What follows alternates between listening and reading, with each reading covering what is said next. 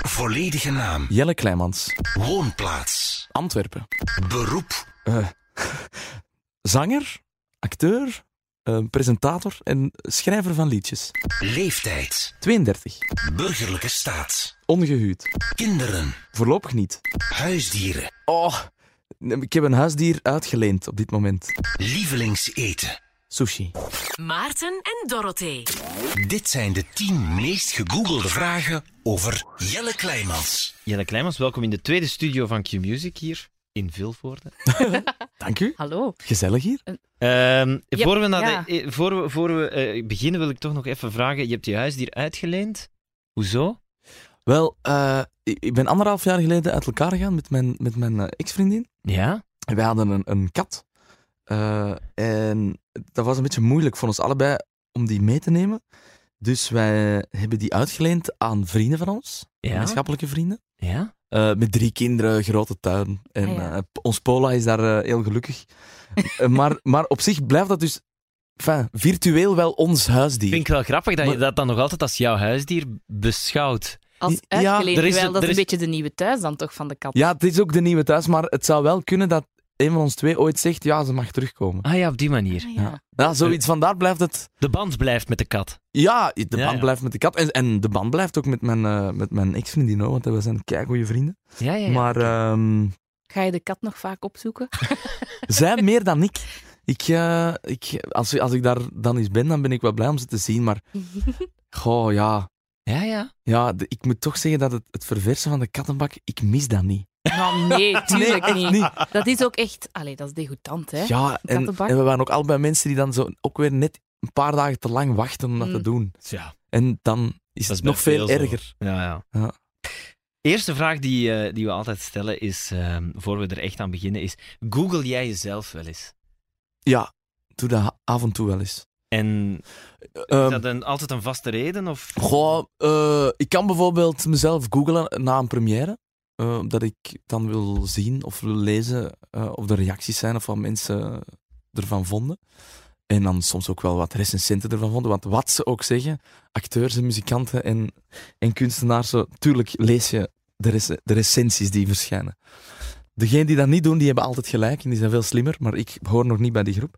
Dus zo, dan google ik mezelf wel eens. En ook wel om te zien of er, niks, nog niks eh, raar staat of akelig staat. Of, eh, gewoon even checken. Ja. Even checken. En, ehm, maar dat is niet iets dat eh, wekelijks of maandelijks gebeurt. Maar af en toe doe ik het wel. Ik weet niet hoe, eh, ja, of dat dan een gekke bekentenis is. Nee. maar- Oh, Helemaal nee, nee, nee. nee, maar, eh, Nee, maar ik denk ook dat, dat iedereen zichzelf eens googelt. Gewoon. Iedereen heeft toch ooit al eens in zijn leven zijn eigen naam ingetikt in Google. dat zou ik ook denken. Ja. Jacques Vermeijden die doet het dagelijks. Die beschouwt zichzelf als het product dat hij in de markt moet zetten. Dus die wil weten hoe het daarmee gaat. Dus ja. Dat, dat begrijp ik. Ik denk dat, dat het daar ook wel een beetje op neerkomt, dat je dat daarom, do- daarom doet. Mhm. Ja, wat, wat denken ze over mij? Of, of... Hm. Ja? Hm. Ja, je gaat het te weten komen natuurlijk, want we hebben aan Google ehm, gevraagd wat de tien meest gegoogelde vragen zijn over Jelle Kleimans. Ja.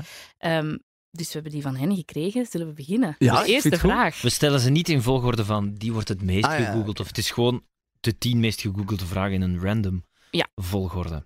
En de eerste vraag is, hoe oud is Jelle Kleimans? Ja, het zat er juist al in eh, Ja. de roundup. ehm. Ja, ik, ik ben 32. Ik ben geboren eh, op 8 augustus 1985. Ja. Dus ik word dit jaar eh, 33. En ik moet zeggen dat dat eh, plots wel aan een akelig tempo eh, gaat. Sinds wanneer dan? Sinds 30 of... Ah, ik, ik heb dat, ik ben dat de eerste keer over beginnen nadenken op mijn 25.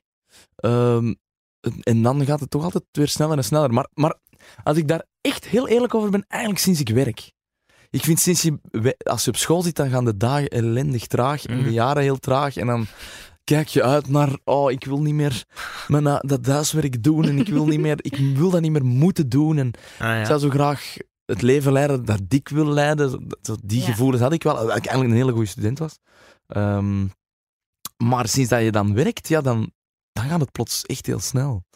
En hoe je wordt, hoe rapper. Dat is zo'n cliché. Nee, maar ik, ik heb, in mijn hoofd is het ook zo, ehm, als je terugdenkt aan vroeger, ehm, is mijn leven zo in mijn hoofd in vakken ingedeeld of zo. Zo, kindertijd, lagere school en een paar herinneringen daarvan, middelbare school, daar wat herinneringen, op kot gaan. En vanaf dan, inderdaad, sinds je begint te werken, is het gewoon zo één stroom aan Maar dingen. En het is Eén zo niet- brei. ja, het is niet meer brei. afgeleid als in afgestudeerd, nieuwe school. Dat, dat is gewoon één lange stroom Ja, van ja. jaren. Het heeft ook te is het maken... niet zo lang geleden. Ik heb er eens een studie over gelezen. Het heeft ook te maken met het feit dat eh, één jaar altijd door jezelf wordt afgewogen tegen de rest van je Ja. leven. Waardoor hoe langer je leeft, hoe korter een jaar lijkt. Dat Ja. is gewoon logisch. Hmm. Voor een kind van vijf is een jaar een vijfde van zijn leven. Dus Ja. Dat heb ik ook eens gelezen. En, en Heel ik denk ook dat dat klopt, ja, eigenlijk. waardoor het echt sneller Ja. lijkt te gaan. Maar pas op, want nu, nu, nu klinkt dat negatief. Ik werd heel, heel graag... Ik ben heel graag 30 geworden. Josje zei dat ook, maar die zei dat 31 zo heftig was. Wow, nee. Omdat het dan zo... Ja, echt. Dan ben je erover over de dertig. Nee, dan gaat dat- het de andere ik- kant uit. Nee, dat heb ik niet. Ik vond... Ik ben altijd... ehm, bijvoorbeeld destijds bij Spring. Ja, dat was die, die zomer dat wij de eerste reeks hebben opgenomen, werd ik 17. Dus ik was echt ontzettend jong. En ik ben heel lang in mijn carrière altijd de jongste geweest. Altijd de jongste. Altijd het bleuke, het Mensen groentje. vragen zich ook, hoe oud is die eigenlijk? Mensen Ja, ja. googelen dat Je ook. bent er ook al zo lang, Ja, ja, ik ben, ja dat weet ik. toch? Ik heb dat vroeger, dat gevoel met Isabelle A. is gehad. Ik Ja. weet dat ik naar... ehm, ik keek toen naar... eh eh, heet het, het? Met, met Felice, dat programma, weet je dat nu weer? Eh, Swing- Swingpaleis. Swingpaleis. Ja. En, eh, en ik keek daarnaar. En Isabelle A. zat daar. En, en ze vroeg toen, Isabelle, hoe oud zit je nu? En ze zei toen, ik ben 33. En toen dacht ik, huh? 33? Maar, die is, maar ja, die is natuurlijk ook al van haar 14 Ja, ja. bezig. Dus Ja. die is dan... Je ziet die al heel lang op televisie. En vandaar, dat, dat ze, vandaar is eigenlijk Isabelle A. de... Ja, ja, zal die eeuwig jong blijven. dat is Maar- zo jong begonnen. Is. Hoe oud was je toen je begonnen bent? Met zo, ja, een, een Goh. Het, of wel, acteerwerk? mijn eerste rolletje was eh, eh, Pieter in de Kot, madame. Wat, een van de kindjes die zo Ja. snoep kwam kopen. Je had de allereerste, dat was Dien Meismans. En die heeft daar een, een paar seizoenen ingezeten. En die zat daar echt vaak in. Ja. En Dien werd toen te oud. En toen deed ik auditie. En ik moet toen elf jaar geweest zijn. Ik zat in, in het vijfde leerjaar. En ik verwachtte mij toen aan grote rijen van hongerige kinderen die die rol wilden. Maar ik was eigenlijk de enige.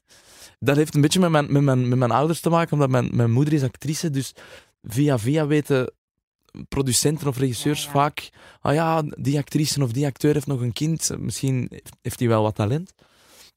En zo auditie gedaan en had ik dat rolletje. Dat was dan de eerste keer dat ik echt zoiets deed voor televisie. En dan ging dat redelijk snel. Dan, dan ja, ik heb Les Miserables gedaan. eh, speelde ik de rol van Gavroche. Dat was de schoonste, het schoonste dat ik ooit in mijn leven heb meegemaakt. Dat Zeg maar, als je alles gaat overlopen, dat, ja, zijn, nee, nee. dat zijn twee A4's. Ja, nee, nee, nee, nee. Ik weet je, kan niet alles je overlopen. hebt het cv van een 80-jarige. hè. Ik weet- Nee, maar het is echt is waar. We, we, ongelooflijk. we, we- we- ja, we doen altijd zo een beetje research als we babbelen met iemand voor de podcast. Zo van, wat heeft hij nu weer allemaal gedaan? Want je vergeet soms dingen. Maar ja, inderdaad, hè, als je het snel overloopt. eh de Kotmadam, eerste musical rol, rol volgde dan. Spring, eh, eh, drie albums ja, maar dan gemaakt. moet jij ook niet gaan Ook eh, beginnen. in concert. Catnet Rapper geweest, Windkracht 10, Kuifje, de musical Daans. eh, CD's gemaakt, ehm, meegespeeld in films. Dan nog Robin Hood, de musical 1418. 40 Onwaarschijnlijk. Ongelooflijk, wat een cv. Ja, maar ik moet wel zeggen dat... Want, hé, want ik- we zijn bijvoorbeeld heeft meegespeeld in films. Ik ben met de jaren ook wel gaan beseffen waar mijn sterkte ligt en waar, waar mijn mindere dingen liggen. En, ehm, en ze zeggen altijd, dat is niet verstandig om dat te zeggen, maar ik doe dat wel omdat ik, vind dat onnozel, omdat dan... Ik, ik, weet- dat ik ben niet de beste acteur van Vlaanderen. Ik kan mijn mannetje staan, en, maar ik voel mezelf toch nog altijd veel meer zanger. Ik ben eigenlijk een zanger. Oké. Zo, zo kijk ik naar mezelf. Ja, In musical komt dat dan wel een beetje samen. in, allee, in musical beetje, komt dat heel samen. veel samen. En daarom dat ik dat ook zo graag doe. Ja. Ook al ben ik niet, want, want zo, musicals, je hebt veel mensen die, die, die daar een negatief gevoel bij krijgen. En ik begrijp dat ook, want ik heb dat zelf ook heel vaak. Maar als dat goed wordt gedaan, dan vind ik dat een, eh, een fantastisch genre. En bijvoorbeeld veer- eh, 14, 18, ja, als je dan kijkt, Jonas van Geel, ja, Jonas, beste vriend om te beginnen. Maar Jonas heeft eh, een zware theateropleiding.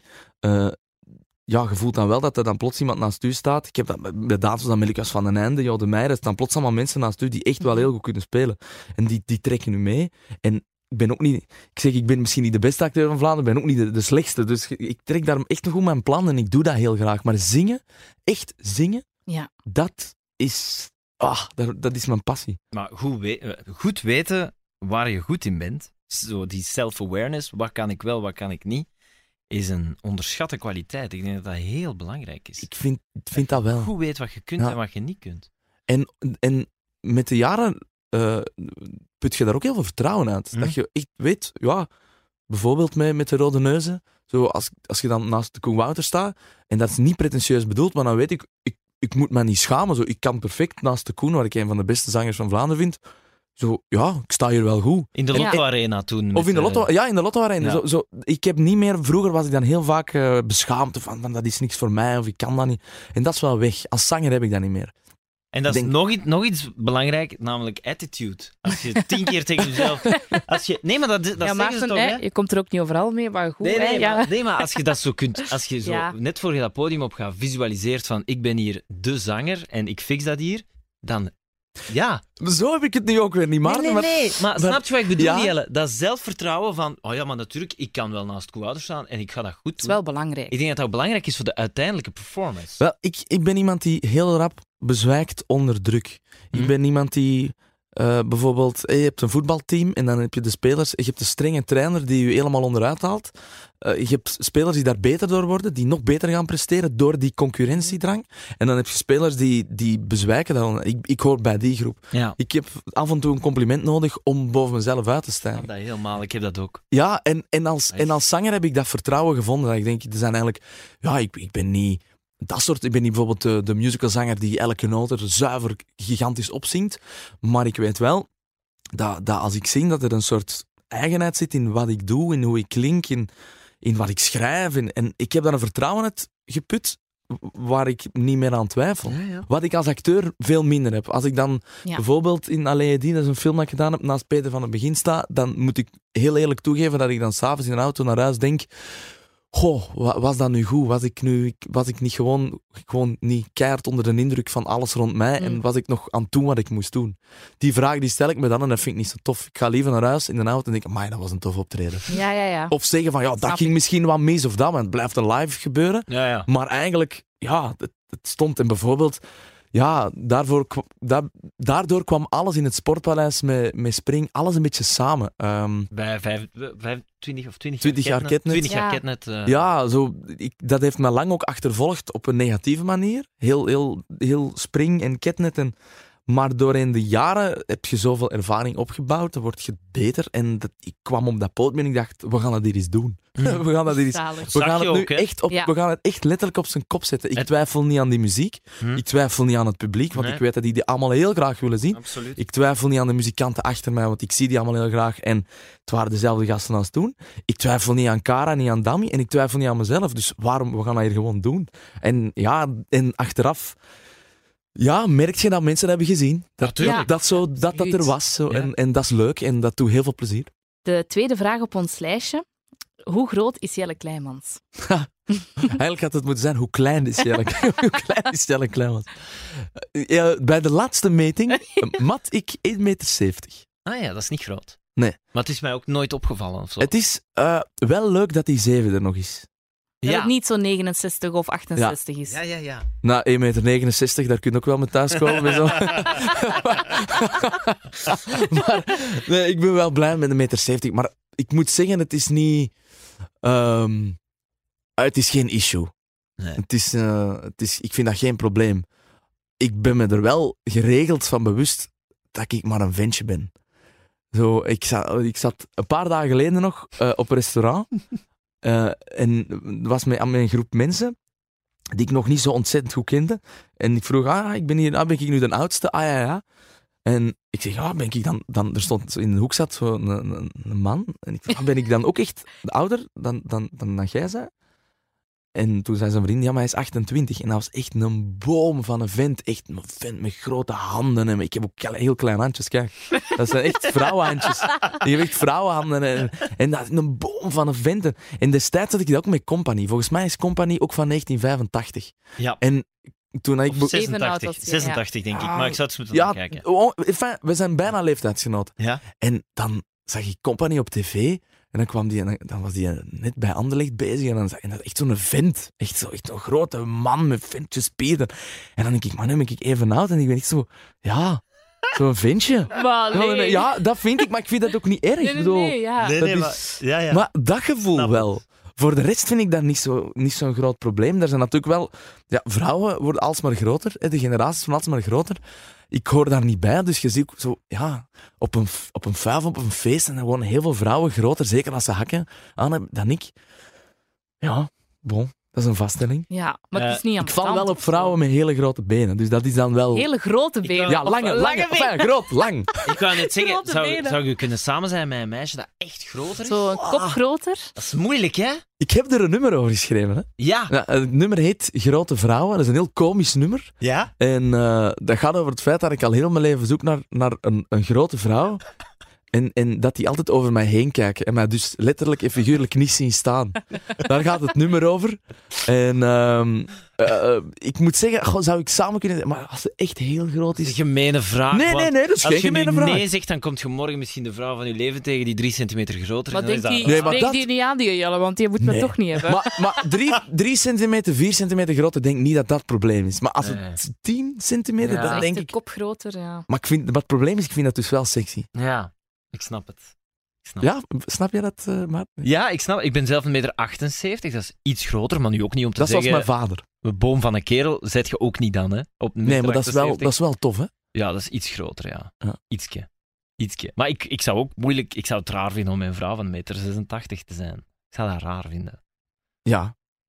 Maar misschien... Ja. Het, is zelfs, het is zelfs meer dan dat. Als je bijvoorbeeld Geert Verhulst en Hans Boulon, lang toch mijn twee bazen geweest. Ja. Enfin, vrienden, maar ook bazen.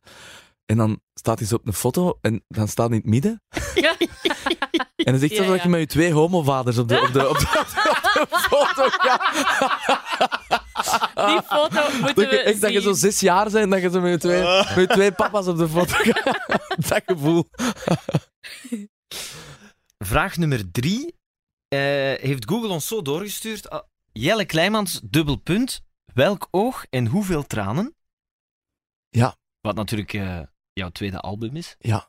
Ben je bezig met een nieuw album? Of, of, of Ehm, dat hoe gaat he- dat? hele moeilijke vraag. Dat is een moeilijke... Ik ben altijd bezig met een nieuw album. Enfin, zelfs niet. Ik ben altijd bezig met, met liedjes. Alleen op dit moment zijn er een, een, een aantal projecten die, die, die daarvoor komen. Ja, ik zie overal hangen. In de stad bijvoorbeeld, eh, die Zo-musical. En wacht, oh, ik moet Ja, ja maar, van twee bladzijden er nog eens bij halen. 40, 45 ga je ook nog doen. maar dat, is, dat, is, dat, dat, is, dat is als uitvoerder. Hè. Ja. Ik, eh, eh, ik heb het meer als...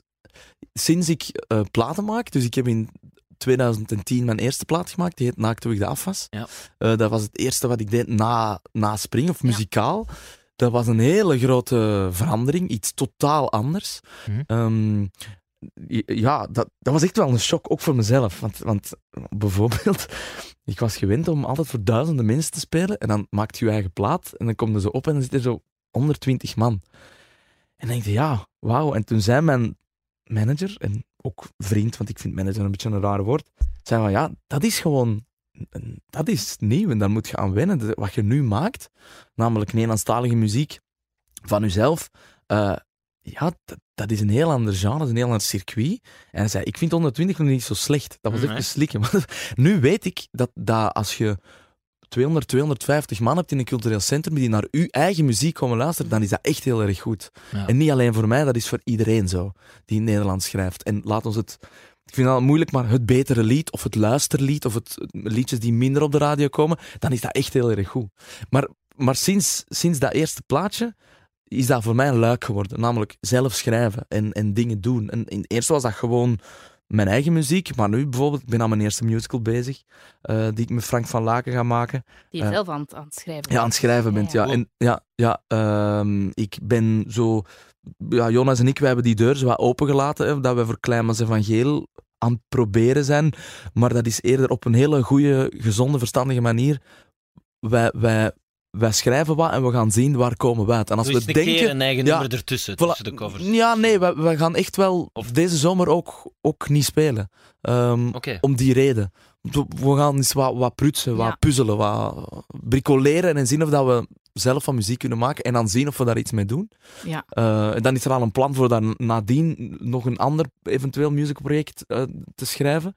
Maar mijn plaat in mijn hoofd, begin 2020 wil ik mijn vierde soloalbum maken. Maar zeg maar zo'n lange termijn planning. Ja, maar je moet dat een beetje doen, omdat er, omdat er altijd projecten tussen fietsen. En bijvoorbeeld eh 4045, wij gaan in augustus beginnen wij te repeteren. Dan gaan wij in première en we weten niet tot hoe lang dat, dat gaat lopen, maar dan zitten we al medio 2019 misschien. Ja, da- dan moet ik al, al echt beginnen aan die plaat. Dus Amai. zo- rap gaat het er zijn. Dat is er Ja, allemaal ja. maar dat is wel een, een grote uitlaatklep. En ik denk iets, ehm, en dat probeer ik ook op een heel bescheiden manier te zeggen. Het, waarschijnlijk wat de meeste mensen nog van mij moeten leren kennen. En moeten, Ja. moeten ontdekken, dat mijn eigen muziek. Want dat is altijd een overwinning. Ik ga ergens spelen en dan zijn er mensen die me van totaal andere dingen kennen. Dat niet weten dat, dat je dat maakt. En die dan soms echt blown away zijn. Ik zeg, ja, teksten bijvoorbeeld, ik, ik besteed daar heel veel aandacht aan. En ik besteed daar vooral heel veel uren aan. Ehm, maar ik denk dat wat ik maak, dat dat er wel mag zijn. Maar dat is iets totaal anders. Ik wilde dat ook. Ik wilde één iets in mijn carrière doen waar dat het niet zo belangrijk is dat, er nu, of dat ik daar nu een sportpaleis mee vul. Of, of, of dat je daar in een huiskamerconcert tien mensen mee kunt ontroeren, wat dus ook kan. Dat maakt mij niet uit. Ik wil, ik wil die muziek maken omdat ik dat moet. Ik kan doen wat ik wil doen en ik probeer me hoe langer hoe minder daarvan aan te trekken wat andere mensen er eigenlijk van vinden. Wat ik heel lang wel heb gedaan en nu niet meer. En dan denk ik, dat is zo Dat is goed plezant om dat te doen. Voilà. Maar dat zelf schrijven is wel belangrijk. Ja. Ja. Dus Welke Ogen Hoeveel Tranen is denk ik het liedje van mij dat het bekendst is. En ik denk dat, heel, dat heeft, ja, veel mensen vonden dat mooi, vinden dat mooi, hebben mij daarover over aangesproken. Er zit ook een toffe clip bij, waarin dat heel veel mensen die in het Nederlands ook zingen, ja, in, in tevoorschijn komen. Zo, ja, dat, is- dat nummer, dat klopte. Dat is, eh, Oké. Als je dan zo zegt, 40, 45, we weten niet hoe lang dat duurt, dat zien we dan wel.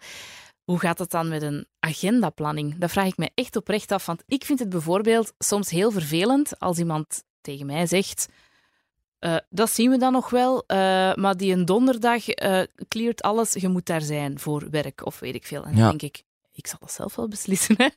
dat lijkt me is dat dan gewoon iemand die zegt: Oké, we verlengen de musical en, en jullie gaan dan, dan en dan ook nog komen spelen? goh, Of hoe, hoe, hoe werkt dat? Hoe maakt je vrij voor zo'n project? Wel, we hebben nu, nu bij, bij 4045 hebben wij een, een, een contract, zo'n afspraak tot een bepaalde periode. En dan weet ik ongeveer op de avond wat ik moet doen. Dat is raar uitgedrukt. Dus wij krijgen die periode en dan weet ik eigenlijk ongeveer hoeveel avonden, hoeveel shows wij tot het einde van dat contract zullen moeten spelen. Ja. Dus dan is dat makkelijk om bijvoorbeeld te zeggen, ik kan dat nu al zeggen, maandag en dinsdagavonden zullen heilig zijn, want dan, dan ben ik vrij. Dus dat, Ja. dan, Ja, dat, dat is tijd om familie, vrienden te zien, of om, om een hobby te doen, zo, zo- dat weet ik dan wel. Voor de rest van de, van de week zal het dan al moeilijker zijn. Ehm, en dan is dat meestal na een maand, anderhalve maand spelen, dan weet de producent, in dit geval Studio 100, ook wel hoe het zal lopen. Maar kijk, als je nu al ziet dat er, we zijn negen maanden voor de première, zijn er 75.000 kaarten verkocht. Dat is ongelooflijk. Dat is ja, ik heb die van mij ook al. Ongelooflijk. Dat heb ik echt nog nooit meegemaakt. En ik stond twee dagen geleden met Gert op café. Ik zei, Gert, dat is toch, dat is toch wonderbaarlijk. En zelfs Gert Verhulst zei, wij weten niet wat er gebeurt. En het schone is, dat dat het resultaat is van, van tien jaar eh, hard werken. Ik wil daarmee zeggen, Studio 100 maakte destijds de keuze om dans te doen als Mhm. musical. Ze verklaarden een zot. Dans, een, een, een, Van Boomba naar Dans was zo de perceptie op dat Ja, moment. Ja. en, en zo, eh, zo Daans, een van de films eh, eh, van Vlaanderen. Ja. Dan een boek van Louis Palboon. Dat, dat is een soort monument. Daar gaat je toch niet zo zot zijn om daar een musical van te maken. Toen kwamen er 250.000 mensen kijken. Ja, heb ik ook gezien. Ja. Zes jaar later, denk ik, deden ze de, groot, ja, de Grote Oorlog, 1418. Weer van, maar wie, gaat, wie, wie is er nu zo zot om van een, een oorlog? Het is echt waar. Het, ik Ja. ben- maar ik ben nu niet de grote recensent of, of eh, ik heb elk theaterstuk gezien. hè, Maar ik ga wel geregeld echt naar iets, een musical of theater kijken. Dat is het beste dat ik ooit in mijn leven heb gezien. Maar ik was 14, blown 18. away in een auto, man. Echt waar. Ik heb, Dat is maar dat is niet lang rijden, hè. Van Mechelen naar Aartselaar. Ik heb heel de, heel de tijd liggen zeggen, maar dat is kei, dat was fantastisch. Geweldig. Maar goed dus, van. sorry. Nee, nee, nee. Maar heel tof. Nee, heel tof. Maar heel veel mensen hadden dus dat gevoel. Ja, ja. En eh, tot vandaag, en we zijn nu vier jaar later, Ja. tot Ja, vandaag vragen die, oh, dat was, wanneer komt er iets nieuws of wanneer gaat je dat nog eens doen? Dus wat, wat gebeurt er? Studio 100 communiceert, wij doen een opvolger van 1418, we doen iets over de Tweede Wereldoorlog. En mensen hebben blindelings vertrouwen. Dat is ongelooflijk. Fantastisch. 75.000 kaarten. Dus ik denk tegen dat wij gaan beginnen spelen, is dat weer aangedikt tot een... Mm. En dan zitten wij al zoveel maanden goed. En dan nog dat gedoe met die locatie, waarbij bijna iedereen supportert. Ja, hopelijk ja, komt het. Kom aan! Ik denk dat het toen ook... Enfin, dus ik klap ik een klein beetje uit de biecht waarschijnlijk, maar, maar ik denk dat het toen ook even stil viel, omdat mensen toch twijfelden, ja, gaat dat dan... Dat begrijp ik ook, dat begrijp, dat begreep Studio 100 ook. Nou ja. Maar wij wisten allemaal heel goed, wij hebben daar altijd vertrouwen in gehad in dat Studio Mhm. 100 zijn. Wij hebben al een aantal pistes, plan, plan B. B. maar wij willen nu enkel communiceren wanneer Ja. dat het echt rond is, dat er geen twijfel meer is, dat Ja. er geen... Mhm. En dat was nu het geval. En dan zie je, hup, dat komt meteen weer eh, op gang. De kerstdagen, goede periode Never waste a natuurlijk good crisis. Nee, hè? ja. ja, ik denk dat... Weet je nog, de, de crisis rond de kus van eh, Chris van Tongelen aan eh, Sanne? Ja, maar dat is lang geleden, hè, jongens. Dat dat- Sneeuwwitje, dat hè? was- Ja. Ja, ja, ja? Sneeuwwitje. Dat was pas een goede crisis. Dat is tot op CNN geweest. Ja, ja. Nee, maar, maar ik, en wij zijn daar allemaal, eh, eh, Jonas ook, en, en ik heb Lucas nu nog niet gehoord, maar dat zijn, wij zijn allemaal mensen die daar heel... Ik denk zelfs dat ik een van de weinigen ben, samen met Peter van der Velde, die de drie musicals al gedaan hebben. Dat voelt echt als een... Mhm. Ja, we hebben daarmee toe bijgedragen. En, dat is tof. Bijvoorbeeld op, op, eh, op Instagram krijg ik echt geregeld... ehm, filmpjes van mensen die nog eens naar Daan aan het kijken zijn, of naar 14, 18 aan het kijken zijn, en zeggen, "Amai, wat- dus dat is, dat is ongelooflijk. Dus om op uw vraag te antwoorden, ik weet dat we dat waarschijnlijk... Ik ben daar nu al vrij zeker van dat we dat langer gaan spelen. Ja. Om- Omdat je dat voelt. En omdat ik ook weet wat ze van plan gaan zijn. Omdat ik de muziek heb gehoord, die is fantastisch. Dat ik weet wat ze... Qua decor gaat het weer... Ja, het gaat nog groter zijn, denk ik. Bedoel, met een, een, een tribune nu... Bij 1418 was er een tribune, die ging van voor naar achter. En Ja. dat was het dan. Enfin, dat was al spectaculair. Nu gaat die splitsen in Gewoon stukken of zo. paarden en zo, maar dat Ja. was het. Hè. Allee, Nee, ja, nee, dat was heel graaf. Maar, ja, ik weet maar het. nu gaat, gaat je, je gaat splitsen en je gaat van elkaar. En, en, en, Ongelooflijk. ongelooflijk. Maar we komen... Ja, sorry, zeg maar. Ja, je wou hetzelfde zeggen Ja, we waarschijnlijk. komen vier. vanzelf bij de volgende vraag. Vraag 4 is, welke rol speelt Jelle Kleimans in de musical 4045? Hmm. Staf, heb ik begrepen, is Ja. het antwoord. Ehm, Maarten gaat vanaf hier dus de zelf vraag is zelf beantwoorden. beantwoord. Nee, maar hij was, Dus aan, als dat goed is voor u, hè, we wijzigen het concept hij was aan het drinken, dus ik dacht, ik ga het gesprek gaan. Dat is waar. eh, Eh, prof- hij was gewoon professioneel. Ja, hè. ja, ja. ja. nee, maar eh, bijvraag daarbij is, je gaat echt elke voorstelling meespelen. Klopt dat? Ja, dus er zijn twaalf voorstellingen in de week, waarvan twee eh, schoolvoorstellingen. Die gaan Jonas en ik niet meespelen. Dus dat is zeer spijtig voor de, voor de scholieren, maar ik ben ervan overtuigd dat ze een hele goede vervanging zullen vinden. Ja. Maar de, de, de tien publieke voorstellingen, waar mensen dus ook wel een serieus bedrag betalen om, om te komen kijken, Ja. die gaan wij wel eh, allebei spelen. Mhm. En de, de rest van de hoofdcast zal per dag switchen. Dus bijvoorbeeld eh, Oké. op donderdag speelt de groep van Lucas van den Einde en mijn zus en eh Jode Meijeren. En dan de dag, ik weet niet of dat de juiste groep is hoor, ja, maar en dan de, de dag erop speelt eh, Nathalie Meskes samen met eh, Herbert Vlak en, eh, en Peter van der Velde, bijvoorbeeld. Dat, dat zou kunnen. Ja. Ehm, en, maar waardoor je dus als publiek, en dat is eigenlijk goed, goed gezien. Ik weet dat, dat ook weer Gert zich al jaren daarin opboeit dat je, je koopt een kaart En je krijgt zes en understudies. je krijgt zes understudies. Nu, in, wij als Vlamingen, wij zijn dat niet gewoon.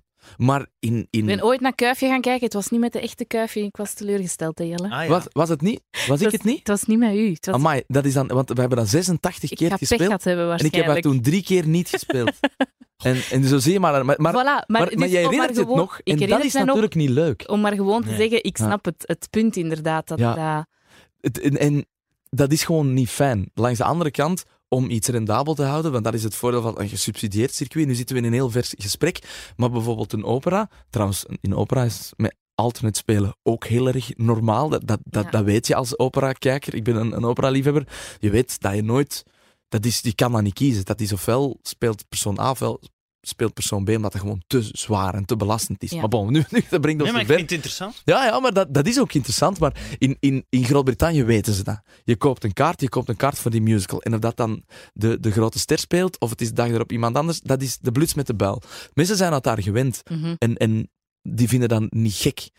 Maar wij vinden dat wel gek. En ik vind dat persoonlijk ook heel gek. Langs de andere kant, als je op Ja. toneel staat, je wil dus af en toe ook wel eens, eens gewoon bijvoorbeeld er gebeurt iets. Dat kan iets eh, stom zijn, hè? dat kan iets heel persoonlijks zijn. Eh, Dat kan een overlijden zijn in een, in een familie. Ja, dan wil je dus wel de mogelijkheid hebben om te zeggen, jongens, vanavond moet ik, is er iets belangrijker dan spelen. Zeker Ja, in zo'n in zo'n grote productie, ehm, die zo lang speelt, we af en toe kunnen zeggen, mannen, vanavond lukt het niet, of je bent ziek. Een, een simpele snotvalling is voor een musical heel vervelend. Want als je sinussen toezitten, dan is zingen veel moeilijker. Stel je daar hees bij wordt, ja, het is geen gewone theatervoorstelling, ja, dan kan je gewoon fysiek niet meer zingen. Wat doe je dan? Ja, dan is er dus een understudy. Een understudy gaat natuurlijk pas op wanneer het echt niet anders kan. Wanneer, wanneer er geen andere optie is. Nu, dat denk ik dat mensen daar wel begrip voor hebben. Maar wanneer dat het een systeem wordt, wanneer dat er drie, vier, vijf mensen worden vervangen, dan is dat echt niet meer leuk. En door deze oplossing, Ja. ja, Twee groepen echt. ja Er is eigenlijk gewoon een cast voorgesteld en, en ja, hoe moet ik het nu zeggen? Gewoon twee groepen die als één cast worden voorgesteld. Zo is het toch, hè? en, Ja, ja. Het wordt vanaf het begin ook gezegd. en die compatibel zijn en Ja. waar dat je altijd grote namen hebt. Je Ja. hebt altijd mensen die... En de een zal meer houden van, van de groene groep, en de ander zal meer houden van de blauwe groep. Eh, Want er is geen groep Ja, A of groep B, het is zo in kleuren Ja, bij ons. Maar dat, dat maakt het juist leuk. En er zullen ook mensen zijn die het misschien de twee groepen eens aan het werk willen zien. Ehm, ja, ik vind het leuk. Ik vind het leuk dat bijvoorbeeld dat ik met mijn zus kan spelen. Dat, dat, dat, dat vind ik echt heel, heel fijn. Ik had het jammer gevonden mocht ik in een groep zijn onderverdeeld en dat dat dan net niet de groep was waar Clara... Ja, dat zou ik wel erg gevonden hebben. En daarom, Jonas en ik, wij voelden ons geroepen om, ja, om die allemaal te spelen. Wij zijn ook de spil, denk ik, die twee personages zijn de spil van, van, Mhm. van het verhaal.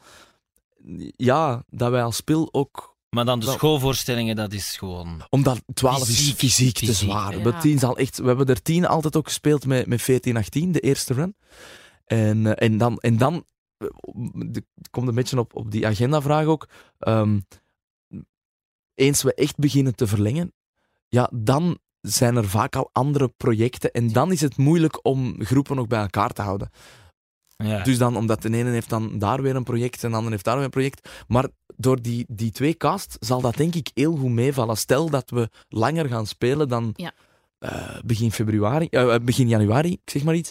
Dan, ehm, ja, stel dat we langer gaan spelen, dan zullen we, doordat er twee casts zijn, zal er altijd wel een oplossing zijn, denk ik. Ehm, maar ik speel dus de rol van staf. En wat daar leuk is om over te vertellen is, het is eigenlijk de eerste keer dat ik niet zo'n sympathiek personage mag spelen. Oké. Ja, het is een, een, eh, een collaborateur. En ehm, dat is een beetje een, een, een tegencast.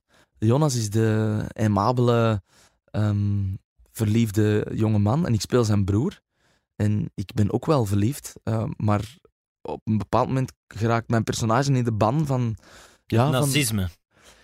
ja, van, van nazisme, maar je kan dat ook, je kan dat ook een ideaal noemen. Hè. Ik bedoel, Ja, nu ja, zijn we er allemaal van overtuigd. Mhm. eh, ja. Van dat, dat, dat, ja, ik bedoel, dat was echt heel, heel slecht. En, en, en dat, Mhm. die kaatste de bal volledig verkeerd. Of, of die sl- sloeg de bal vo- volledig mis. Ehm, ik probeer mij, want dit is een heel gevaarlijk terrein waar ik me op begeef, ik probeer mij een klein beetje in de, de tijd van toen eh, te verplaatsen. Heel veel dingen die, ze, die wij nu weten, die ze toen niet wisten. Ja, dat was een ideaal. Net zoals dat voor veel gasten die gaan, gaan vechten in Syrië, Mm. dat ook een ideaal is. Mhm. Want ik geloof daar zo sterk in, ik ga naar daar. Dus dat heeft ook iets heel naïef, dat heeft ook iets heel... ehm, het is moeilijk om dat in goed en slecht te onderscheiden. Er zijn ook mensen geweest die achteraf heel erg beseften dat ze mis waren en zeiden, wat heb ik gedaan en, en wel, wat ben ik achterna Ja, gehold. En, Het, het hele extreme grote verhaal was ook achteraf pas duidelijk. Dat is als iets veel kleiner ook begonnen, waar mensen veel makkelijker ook in meegingen. Ja, lijkt en- mij ook. en- En ieder had ook redenen, zijn persoonlijke redenen om bijvoorbeeld iets. iets eh, ehm, ik kan me niet inbeelden dat elke collaborateur achter het, eh, het, het zomaar ehm, eh, ophalen van Joden eh, Nee, is geweest. Dat kan, ik mij, dat kan ik mij niet inbeelden. Maar bijvoorbeeld mijn personage gaat het op een bepaald moment wel doen. Oké. Dus dat is wel al. Ja, dat fijn, hij sluit zich aan bij, ja. de, bij, de, bij, de, bij de Vlaamse SS. Dus dat is wel al een stevig. eh, Ja. Allee, Mijn personage is iemand die wel echt heel erg in de ban is van Ja. van alles wat daar rondhangt. En, en gek ook om, om dat te spelen. Ik bedoel, Ja. eh, de, op Canvas was er onlangs de, de reeks kinderen van de, van de collaborateurs, of kinderen van de collaboratie. Ik heb dat wel getaped, want, want eh, ik wil dat wel zien. Want daar gaat het nu juist over, Ja. wat ik moet spelen. En dat is een, een moeilijk verhaal, maar nee, als, ja, wel ook een verhaal dat moet verteld worden. En ik vind dat juist zo goed aan 4045, aan wat we gaan doen. dat, dat, dat dat erin zit. En dat die broers, want daar komt het dan menselijk gezien op neer, dat die broers lijnrecht tegenover elkaar komen te staan. Mhm. En de ene zegt, ja maar... Want de, andere, de ene gaat dus in het verzet en de andere gaat bij de SS. En, en, en dat als broers, als mensen die elkaar super graag zien. Ja. Doet mij een beetje, soms doet het mij wat denken aan het verhaal van, van Mozes. Op een heel andere manier. Maar Mozes die, die, die opgroeit met zijn broer en later voelt, oei, dat, die staat hier voor totaal andere, andere zaken. En eigenlijk is dat zelfs niet mijn letterlijke broer, Mhm. mijn, mijn, mijn bloedbroer.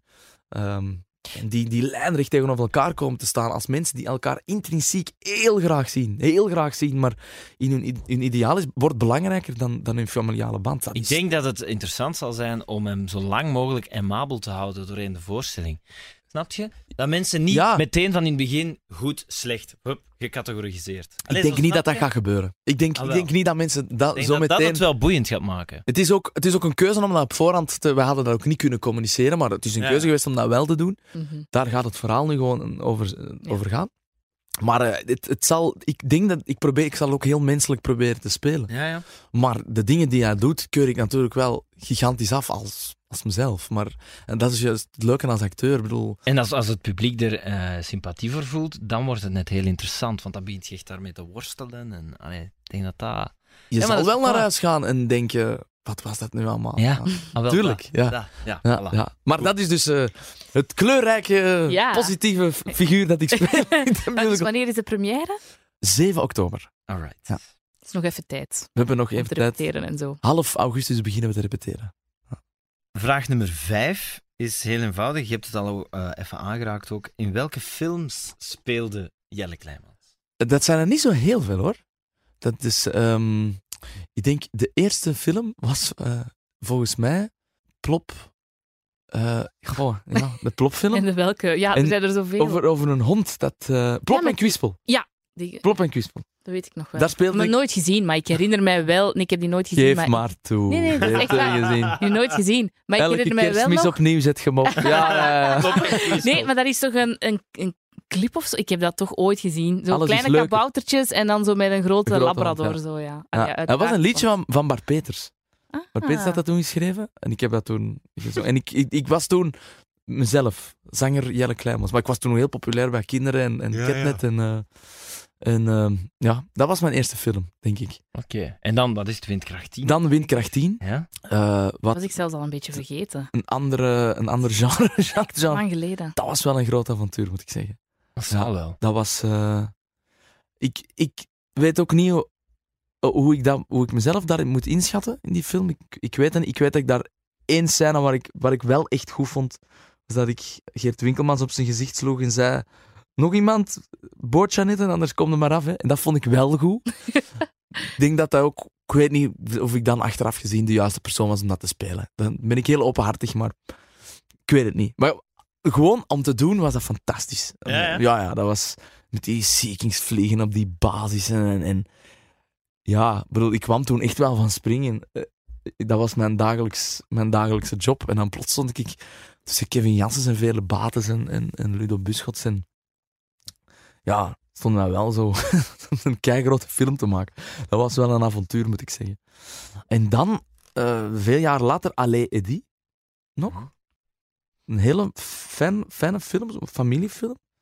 En ik denk dat we dan rond zijn hoor. Ik, denk, ik heb niet zo heel veel film gedaan. Hm. Vroeger zo ook wat kortfilmpjes ook eh, voor studenten van Trits. Maar ik denk dat dat het, eh, dat dat het eigenlijk is. Of jullie hebben dat misschien opgezocht en hebben nog iets gevonden? Nee, dat zijn ook diegenen die wij hier hebben, denk ik. Nee, ja, ik Wat denk wij hier nog allemaal hebben gevonden. nee, nee. wel heel veel films ingesproken natuurlijk. Ah, ja. Als je eh, ja, bijvoorbeeld de twee laatste echt grote Disney-blockbusters, Rapunzel en dan daarna Frozen. Daar heb ik twee keer een grote rol in, in eh, ingesproken. Eh, Kuifje ingesproken. Eh, de Steven Spielberg. Ehm, goh, veel hoor. Da- daar heb ik er wel heel veel gedaan. En dat vond ik veel plezanter. Dat is Veel- ook acteren, hè? ja, dat is ook acteren. En dat is ook dat is een, dat is een, dat is een kunde. En, en je hoort dat ook heel veel mensen zeggen. eh, dat ze dat zo eens één keer willen doen. Zo, ja, zo'n zo'n rolletje is. Wij hebben dat eens een keer gedaan. Ja? Maar Ja. echt één Ja. scène, maar echt de figurant van de tekenfilm. Ja, zo Kung Fu Panda 3 en dan zo Gans 2 en Gans 3. Zo, Zo. in minuut 2, seconde 34. Ja. Dat. En eh, ik vond dat fantastisch. om te vond dat doen. heel leuk om Ja. te doen. Dat is echt super fijn. En eh, ik, ik moet nu ook opeens denken aan eh, een week of twee, drie geleden, toen Dorothy en ik aan het babbelen waren met Adil El Arbi. Die vertelde dat in Hollywood eh, bijna alles nagesinkt wordt. Gewoon films met echte acteurs, dus geen Ja. animatie Ah, of ja, zo. ja, ja, ja. maar bijna dus alles. Die acteren gewoon ja, op de set en dan daarna lezen die dan nog eens opnieuw. Met heel bekende acteurs die zeggen, eigenlijk acteer ik pas echt achteraf in de studio. Maar dat lijkt me verschrikkelijk moeilijk. Ja, Dat moet, zij, dat zijn er ook, bij- zij waren dat toen aan het doen, want ik had dat toen gezien op hun Instagram. En eh, hij zei ook dat dat echt heel moeilijk is, omdat dan... Ja, je mocht het niet zien. Ehm, we hadden toen juist K3 gezien en... eh, K3 de film, ja. K3 de film. En ik, zij waren dat, Adil en eh, Bilal waren toen net Patser aan het nazinken. Ah, ik dacht En dat die vandaar- er niet meededen. Ik zeg van, mij, Nee, nee, nee, die waren daar toen ook. En, eh, en daarom had ik, ik had bij één dingetje bij K3 gezien van, ah, dat zullen ze achteraf hebben opgenomen. Vandaar dat we erover begonnen waren. Ja. En dus blijkbaar is hij in Hollywood een, een Ja. Ja, heel belangrijk. Ik heb dat ook al gehoord. Dat is om het geluid heel zuiver te krijgen. Maar dus je kunt eigenlijk echt goed acteren als je zo'n tekenfilm inspreekt. Allee, je kunt Ja, echt ik weet dat niet. Je moet echt wel Er zijn ook acteurs... Het, eh, je hoort dus eerst het, de, het Engels, of als het nu een andere taal is, dat kan ook, maar je hoort het Engels. En dan moet je natuurlijk proberen om dat zo goed mogelijk te kopiëren. Dus het heeft ook heel veel met kopiëren te maken.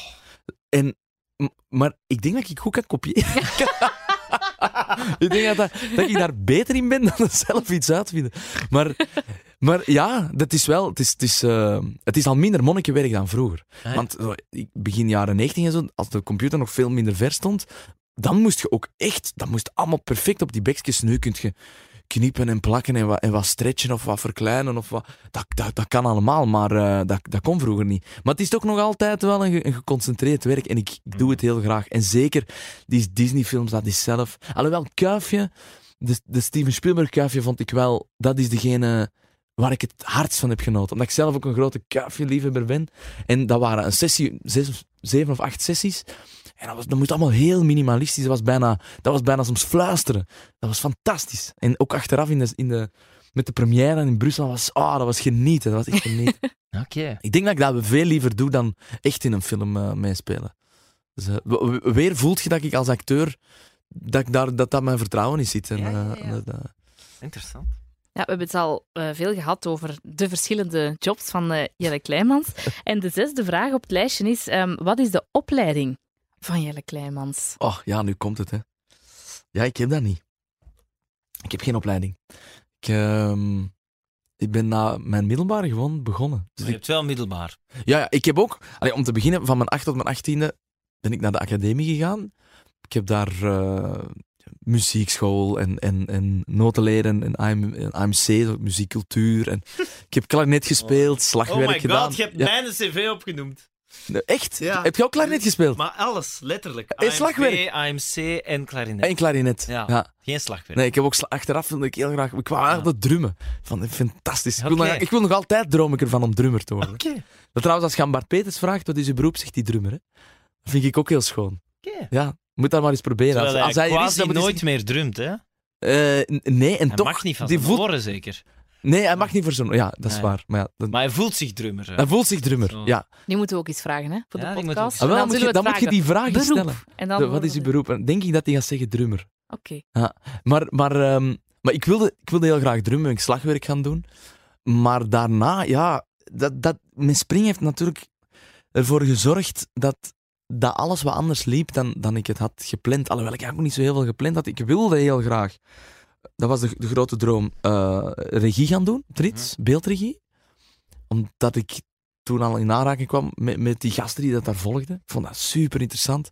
Zo films maken en, en, en reeksen maken, maken en achter de schermen, dat, dat vond ik wel heel interessant.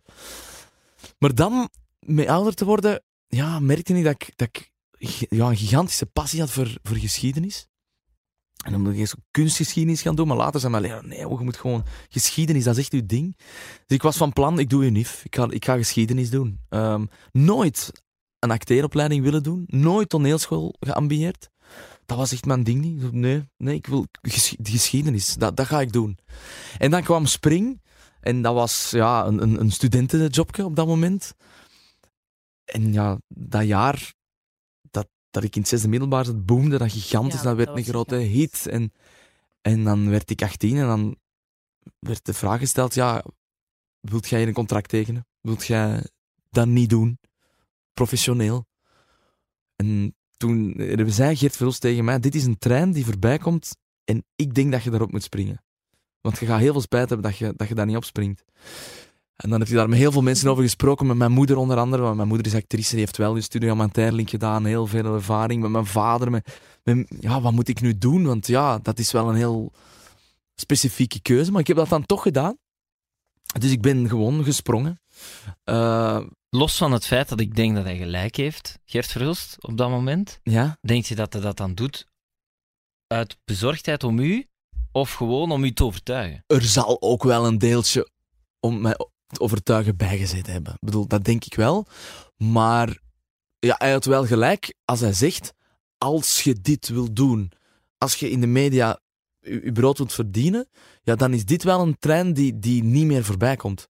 En ik denk dat dat, dat, dat ook zo is. Mhm. Denk, dat kon ik toen niet inschatten, maar ik denk dat dat, dat heeft eh, heel Spring en Ketnet heeft eh, uiteraard mij heel hard gedefinieerd. Zo, zo, ik was Ja, de, de, de man van wel, de kindjes en voor de kindjes en dit en dat. Langs de andere kant, ik was op één jaar tijd, kende, ja, niet heel Vlaanderen, maar, maar heel, een heel groot deel van Vlaanderen wist wie ik was. En dat is gewoon wel belangrijk als je later andere dingen wilt gaan doen ook. Kunt je opbouwen. Ja, daar, Ja. daar kun je om inderdaad te bouwen. En de ervaring dat ik heb opgedaan en de kans die ik heb gekregen. En ja, dat is wel wonderbaarlijk geweest. Dus dat is in die zin. Ik heb dat ooit eens in de slimste mens zei ik van, van dat is zo. Ik ben naar de grote Studio 100 school geweest. daar komt het dan wel lacherig op neer. Maar dat Ja. is ook wel ergens waar. Ik ben daar begonnen en ik heb daar heel veel geleerd.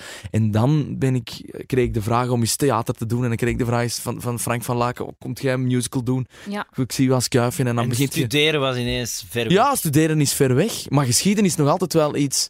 Ik heb al heel vaak gedacht: oh, zou ik dat niet in avondschool doen of, of zou ik dat niet als hobby doen? Maar kan nog altijd, hè? dat kan Als nog ik- altijd, maar dat is zo moeilijk want als je, moet, als je moet teksten leren of als je nog moet schrijven, als je in een deadline zit. Ik weet dat ik me altijd schuldig zou voelen ten opzichte van die studie. Dat kan je nog doen als je 40 bent ook, Dat hè? kun je later zeker nog doen. En ik lees, ik lees er veel boeken en Voilà. En, eh, maar het is al, ja, als ze mij vragen, wat zou ik doen? Zeker iemand die musical wil doen. Die, die, Ja? die vraag komt mij, stelden ze vaak aan mij. Ik wil graag musical doen later, wat zou ik doen? En zeg ik, ik ga naar theater, ga, doe toneelschool. Doe geen musicalopleiding, musicalopleiding. Doe toneelschool. En dan zie ik altijd een diepe teleurstelling. Want ze zeggen, ja, maar wij willen musical doen. Dat is heel raar met, met mensen die louter musical willen doen. Dat is iets, een ongelooflijke passie. Dus die willen alleen dat doen. Ik zeg, ja, maar leer echt heel goed spelen. Leer heel goed spelen. Neem eh, een, een zangcoach, een goede zangcoach. En dansen, ja, pff, ik kan ook niet dansen. dus ik, dansen is niet zo belangrijk. Terwijl alle musicalopleidingen gaan vooral over dans. Terwijl ik denk, nu moet je de laatste tien jaar eens in Vlaanderen kijken welke grote dansproducties er geweest zijn. Musicalvlak. Ik, ik, ja, eh, Grease is een keer, denk Hier- ik. Hier en daar een, eh, een klein beetje choreo. Ja, dat is voldoende. ja, ik heb daar zelf wel echt een hekel aan. Ik Een choreo? Oh, verschrikkelijk. Oh, ik vind dat verschrikkelijk. Ik kan totaal niet dansen. Zij kan dat echt heel goed. Ja? Ja. Nee, nee, nee. nee. Jawel, ze heeft Maar er een wacht. geheugen voor. Wacht, wacht. Ja. Die kan zeggen, weet je nog twee jaar geleden? En dan begint hij dat te doen. Echt? Ja, Oh. Dan, dan Maar ik komen we heb een Axana heel- tegen. Axana die de choreo doet van K3. En dan zegt, eh, dan zegt Axana, ah Dorothee, ken je dat nog? Hup, dan begint hij daar voor K3-dansje te doen. Ik heb Maar gewoon echt zoals in de voor, videoclip, voor hè? choreo een, een visueel geheugen. En als Crazy. ik dat zie, en ik heb dat één of twee keer gezien, dan kan ik dat super, dan kan ik dat gewoon onthouden. Maar dat wil niet zeggen dat ik een goed kan dansen. Maar je hebt Ik wel ben niet de meest flexibele, fantastische danseres, Maar dat moet je niet. kunnen, zo Maar choreo. ik kan het eh, wel onthouden. Ja. ik kan echt Maar goed, ik weet niet of je daar Ah, nog wel, ik kan, komt, ik maar- kan het niet, maar ik kan het dus ook niet onthouden. Dat is Ah, een ja. dubbele... Dat is... Ja. Ja, dat is echt verschrikkelijk. Ik, tijdens, eh, de- het moeilijkste dansje dat ik ooit heb moeten doen was tijdens de musical eh, Robin Hood. Dat is zo één Iers volksdansje. En we moesten, dat, dat- we moesten als hoofdacteurs ook meedoen. En dan heb ik met de Peter van der Velde toch ook liggen lachen. Want die zei de hele tijd, "Joh, dat gaat niet, dat gaat niet. Deze kan ik nooit, deze kan ik nooit. Dat lukt niet, die, die, die vergeet dat we dat niet kunnen. Oh, maar dat was echt heel geestig. En we hebben echt dagen op gezwoegd. En dan kon ik het toch... Oh. Ik kon de beweging. Oh, Ja, dat. oké. Maar sierlijk ziet dat er nooit uit bij mij. maar dus ik geef altijd de raad van, ga, ga toneelschool doen, leer goed spelen, leer goed zingen. En, en, en, en spelen is, is gewoon de essentie van, van wat wij doen. Dus, eh, maar ik ben, ik ben een dikke chansare dat ik, dat ik geen opleiding heb moeten volgen. En soms merk je dat ook. Ik bedoel, er zijn ook dingen die... eh, Jonas, Jonas zegt altijd, zo, het, het stuk dat ik heb overgeslagen is, is het eh, op je bek gaan zonder dat dat erg is. Zo in een, in een opleiding, in een theateropleiding Ja, of in welke opleiding dan ook, muzikale opleiding, kun je eens op je bek gaan, daaruit leren en het volgende keer anders aanpakken. En ik denk dat ik dat soms heb voorgehad, terwijl dat iedereen zat te kijken naar tv, bij wijze van spreken. dat is een beetje dat proces, proces van waar ben ik goed in en waarin ben ik niet goed in. Ik heb ook dingen gedaan waar ik niet goed in ben, maar dat was een soort, ja, het leerproces. eh. Direct in de spotlight. Direct in de spotlights en, en ehm, het ergste, maar daar wist ik het op voorhand. Het ergste, wanneer ik me echt het hardst heb gegeneerd, is denk ik toen, toen wij met Spring meededen met, ehm, aan de voorrondes van, van Eurosong. Omdat ik het toen besefte. Omdat ik toen wist, ik kan dit niet. Dit is out of our league. Out of my Toen was league. dat voor mij... die- ik, ik was 18 jaar. Ik voelde me daar niet klaar voor. Als ik dan... Laura Tesoro was bij jullie een tijdje geleden. Ik, ik, ik vond dat heel straf. Ik keek naar Laura en ik zag daar een jong iemand staan die heel goed wist wat ze daar aan toe was. Ik vond dat heel straf. Ik, ik, vind- ik heb er geen enkele moeilijkheid, moeilijkheid mee om toe te geven dat ik toen dat niet had. Ik ging, ik ging dood van stress en ik wist dat ook. Want dit is niet mijn ding. En ik moest dat toen een beetje doen. En ik wist exact wat dat Marcel van Tilt dat ging, verschrikkelijk ging vinden en wat hij daarover ging zeggen. En, en dat is dan echt zo... Ik zou nu altijd zeggen, ik doe het niet. Sta op je kop, ik doe het niet. Want ik, ik wil het niet. Dat heeft dan te maken met hoe voel ik me er zelf bij. Ja. Maar Want nu soms durf je moet dat je ook. iets, maar soms moet je iets doen buiten je comfortzone. Natuurlijk, natuurlijk. Maar je kunt eens iets doen buiten je comfortzone. Eh, En je kunt het doen terwijl heel Vlaanderen meekijkt. ja, exact. En ook weten, eigenlijk wil ik het zelfs. Ik wil Ah, zelfs ja. niet Ja. buiten die comfortzone gaan. Ja. Eh, maar toen moest dat, hè, dat, dat, bedoel, dat weet je ook. Je zit in een soort.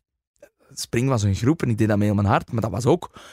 Moet daar niet flauw over doen, dat was ook een product. Mhm. Dus als nu iemand mij zegt, jij moet met je eigen muziek daar gaan staan, dan zeg ik, ja, sta op je kop, ik heb er geen zin in. Ik doe het niet, ik doe het alleen als ik het wil. Ja. En als ik het wil, dan doe ik het. Maar Dat is anders bij is Spring, kan anders. ik mij voorstellen. maar er zijn ook andere momenten geweest, maar dat vond ik het misschien het meest gênante moment. Ik dacht, oh, tover mij nu alstublieft weg.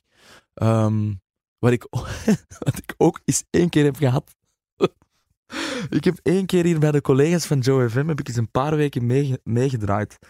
Ehm naar Raf van Brussel toen papa werd. En, eh, en ik moest toen samen met Alexandra het programma over, overpakken. Dat was toen de ochtendshow. De ochtendshow, ja. Maar later vroeg de, de, de producer toen, ja, ziet je het zitten om, om het programma van Jan, van Jan Bosman ook af en toe eens over te nemen? Ja. Dan moest ik de eerste keer alleen op de radio.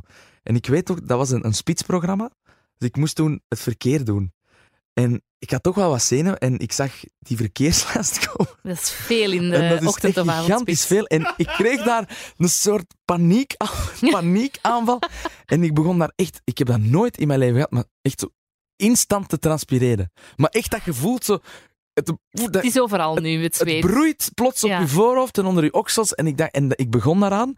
En op den duur, ik wist totaal niet meer op welke ring wij zaten. Of op welke E40. Ik wist het niet. Ik begon en, en te hoesten. En, en ik wist het niet. En toen dacht ik ook, haal mij hier weg. Laat, laat alsjeblieft een meteor op de VTM vallen. Dat ik echt, dat er iets, iets, dat ik nu kan stoppen met dat onnozel verkeer. En ik kreeg Vreselijk. zoveel jaar later van Radio 2 Antwerpen de vraag eh, om ook eh, een, een jaar mee te, te komen presenteren. En ik zei toen aan hen, ja, maar moet ik dan ook het verkeer doen?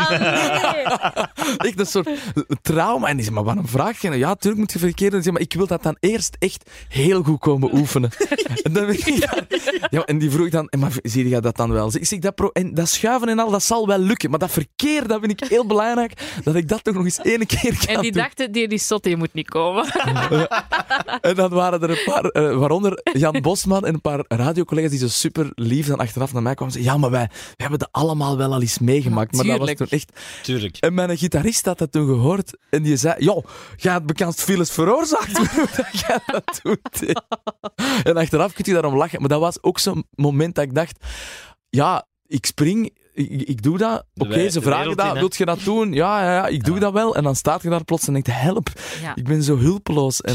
Dus daar een soort van goede balans in vinden. Wat is op een goed moment springen en, en wanneer Ja. moet je misschien even denken... Ja, hoe ouder je wordt, hoe meer je hebt gedaan, hoe rustiger dat je ook wordt. Dus dat, dat valt wel mee. Maar ja, ik denk dat heel veel acteurs en muzikanten in, in een radioopleiding af en toe wel eens in hun opleiding iets hebben gedaan van dacht, oh, dit is gênant. Ja. Maar dat is in je opleiding, dat zet je beschermd. En dat heb ik dus niet gehad. Nee. Dat, dat, ik heb dat soms gehad on-air. Ja.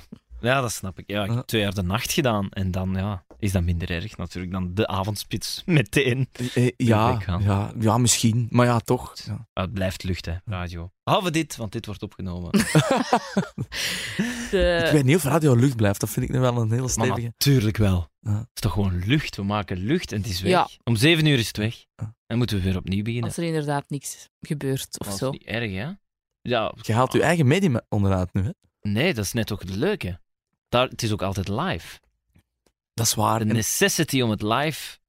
Als ik je vond, ik vond dat bij Radio 2 Antwerpen ook zo gek, dat je soms een hele voormiddag zit aan twee reportages en, en opnemen en monteren en dan nog een reporter uitsturen. En dat was een programma in de middag. fantastisch, hè? En het duurt een uurtje en dat, dat is dan direct weg en dat is Dat is uitgezonden. Je denkt, wauw, al die arbeid En het is weg. is weg. Ja. Cool, Zoals hè? koken eigenlijk, hè.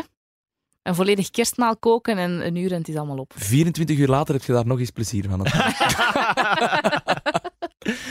Vraag nummer 7. Speelt Jelle Kleimans basgitaar in Spring? Maar is dat echt een vraag op Google? Dat is dan Jelle Kleimans, basgitaar, spring. Dat is wat de Google-mensen ons Nee. doorsturen. Dat Nee. is de vraag die zij ervan maken. Ik, eh, ik moet ze teleurstellen. Eh, ik heb nooit basgitaar gespeeld in Spring. Dat is een gewone elektrische gitaar. Ehm, en basgitaar, dat was... Hoe heette dat personage nu weer? Amai, dan ben ik dat zelf al kwijt. Ik- Van, Oei, ik, amai, dan ben ik, dan Ah, ben was- ik zelf al... ik weet het ook niet, Dorothee. Ja, Dorothee. Eh huh? in, die gitaar speelde in spring. Ja, Basgitaar. Bas, eh, Eerst was dat... Eerst... wat- Amai, waren er lap twee? Was er, eh, Eerst was Pieter. dan- Eerst was Pieter. Speelde basgitaar. heette die Jo? Nee. I- Of wel? Ja, jawel, jo! Er was ook eens iemand die drumde. Die heette, Dat was David. Dat was David. Dat is eigenlijk Kopen van Herwegen. Amai, wat een maar grappig gesprek is dit, was zeg. nog iemand anders, Amai, denk ik. Iedereen verlaat nu echt het, het- dit gesprek, denk ik. De eerste drummer was toch Thomas of zo? Dat was Thomas. En dan werd het David. Ah ja. En Jo was inderdaad... Jo, inderdaad. En dat was de, de bassist uiteindelijk. Maar ik heb nooit... Maar wat, ik heb wel gitaar leren Jo. spelen door Spring. Maar dat Ah, heb ik ja. bijvoorbeeld over Ghost Rockers. Die heeft volgens mij Marie Verhulst ook eens ooit in een interview. Die hebben ook, een, een paar van die hebben gewoon het instrument leren spelen. Ja.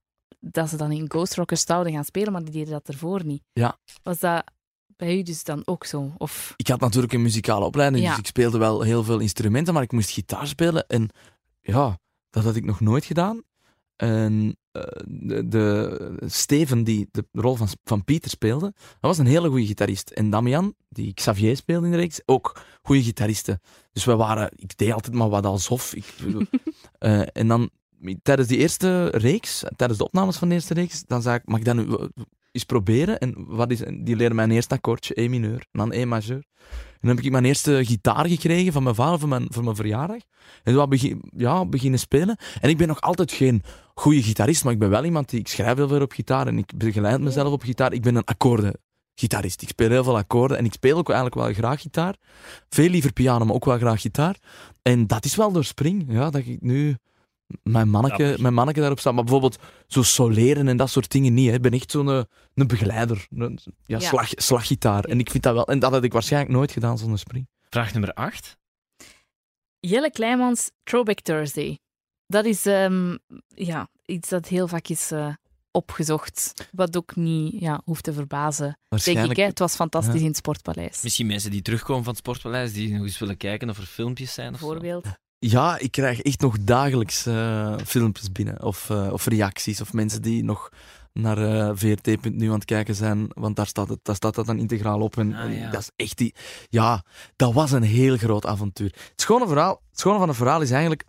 eh, ik ben, ben heel goed bevriend met jullie conculega Tom de Kok van M&M. Een hele goede vriend van mij. En zijn man, Maarten, ken ik al van die tijd dat ik bij, bij Ketnet zat. Mhm. Ja. Eh, Maarten was toen, denk ik, is, is binnengekomen als stagiair bij Ketnet. En nu zijn we ja, de- 14 jaar later en hij is de grote baas van Ja. Ketnet. En die kwamen bij, bij ons eten. Eh, omdat we echt goede vrienden zijn. Die kwamen eten en, en, en Tom vertelde mij dat bij, bij M&M, hij zei, het is ongelooflijk hoeveel aanvragen dat wij krijgen om Spring te draaien. Hij zei, het is eigenlijk, denk ik, de groep is die het meest wordt aangevraagd. Zeg maar, Tom, nu aan het zeveren. Hij zegt, nee, ik denk dat dat echt zo is. Ik denk dat En daar we- iets, nog iets zit. Ja. En we willen... Wat, wilt je dat niet nog eens een keer doen? En dan spreken we over drie jaar terug. En ehm, Wij hebben de vraag ook veel gesteld, hè, vriend. Echt ja, waar. ja, Hé, maar dat is toch zo, dat is hè? absoluut zo. Elke brainstorm, ah, spring, spring. En dan muziek laten bellen. En altijd nee, nee, nee. Ja. Om altijd een nee terug. Nee, een nee, omdat dat gepasseerd was. En dan zei Ja. nee, we doen dat niet meer. En ook, Voilà. en ook, dat geef ik ook wel toe, en ik denk dat dat ook een hele gezonde manier van denken is, omdat ik dacht, als we dat dan ooit nog eens doen, dan wil ik dat het meer is dan alleen maar in een radiostudio, we komen nog eens samen. Want dan is Ja. het gepasseerd. Dan Maar is het ik wil daarmee zeggen, ook wij voelden, daar zit iets, hè? Ah, op die manier. Daar Ja, ja, ja, oké. Nee, het is niet als kritiek bedoeld. Ik bedoel gewoon, ja, hij heeft gelijk. Dat leefde wel. Ja, en, en daar, is het, daar, daar heeft Tom echt zo... Ja, daar is, heeft hij een zaadje in mijn, in mijn hoofd geplant dat dan wel eens beginnen, beginnen bloeien. Ehm, ben ik met, met Dami daar eens over begonnen, want Dami eh, en ik... Dami is al die jaren gitarist geweest bij Kleimans en Van Geel. Ik heb Mhm. zo'n covergroep met Jonas. Ja? En Dami is daar altijd gitarist van geweest. Jullie speelden daar toch ook één of twee keer? eh, Ja, we, we deden dan een nummer, een nummer van Spring. Ja. Jonas Wel. deed dan altijd, dat, dat kan ik nu ook zeggen, alsof hij mij ja, wou kloten. En dan zei oh, we doen nummer van Springen. Die zei dan, nee, nee, ik wil dat niet. Maar eigenlijk was dat heel georchestreerd, Ja, want wij wisten heel goed, we gaan, we gaan dat spelen. Als we het voelden, waren niet, niet, al, niet elk publiek zat erop te wachten, maar als, dat, als we voelden, hier kan het, dan deden we het wel. Ja, ja, ja. Maar, ehm, maar ik had dan met Dami erover van, ja, die vraag komt halvelings van Tom de Kok, om, daar eens over na te denken, moeten we dat doen? En, en dan zijn we erover beginnen nadenken, en hoe willen we dat dan? En wat is voor ons belangrijk? En, en ja, en dan kwam later, dat is dan, daar is dan eigenlijk niet meer echt iets mee gebeurd. En toen kwam Maarten van Kettent met het idee, ja, Kettent wordt 20 jaar, ik wil iets doen, een soort festival, iets waar dat dat die bepaalde generatie naar kan komen kijken en ik wil dan springen als top of de bil. En ik zeg, ja, ja, misschien wel. Misschien is dat wel een goede instap. En dan gingen we naar Studio 100. En Studio 100 zei, ja, wij willen eigenlijk iets doen met Samson en Gert die periode. We hebben dat al geblokkeerd. En alles kwam samen. Al die puzzelstukken kwamen samen. Ik was toen aan het spelen een levensliedprogramma samen met Gert Verhulst. En Gert zei, "Joh, dat zou toch plezant zijn mochten, mochten we springen en Samson. Omdat Ik vond dat eerst, ik geef dat toe, ik vond dat eerst een rare combinatie. Ik dacht, springen en Samson, ja, samen, is dat, moeten we dat dan wel op die manier doen? Maar ja, ik begon daarover na te denken, ja, waarom niet? Want inderdaad, Samson is net hetzelfde voor een bepaalde generatie. Ja, natuurlijk. Ja, Ja, ja, voor de- mijn generatie nog. Ja, alles kwam samen. Dat, dat zou wel eens kunnen marcheren. En wij hoopten op één sportpaleis. Wij droomden van twee. Het waren uiteindelijk vier.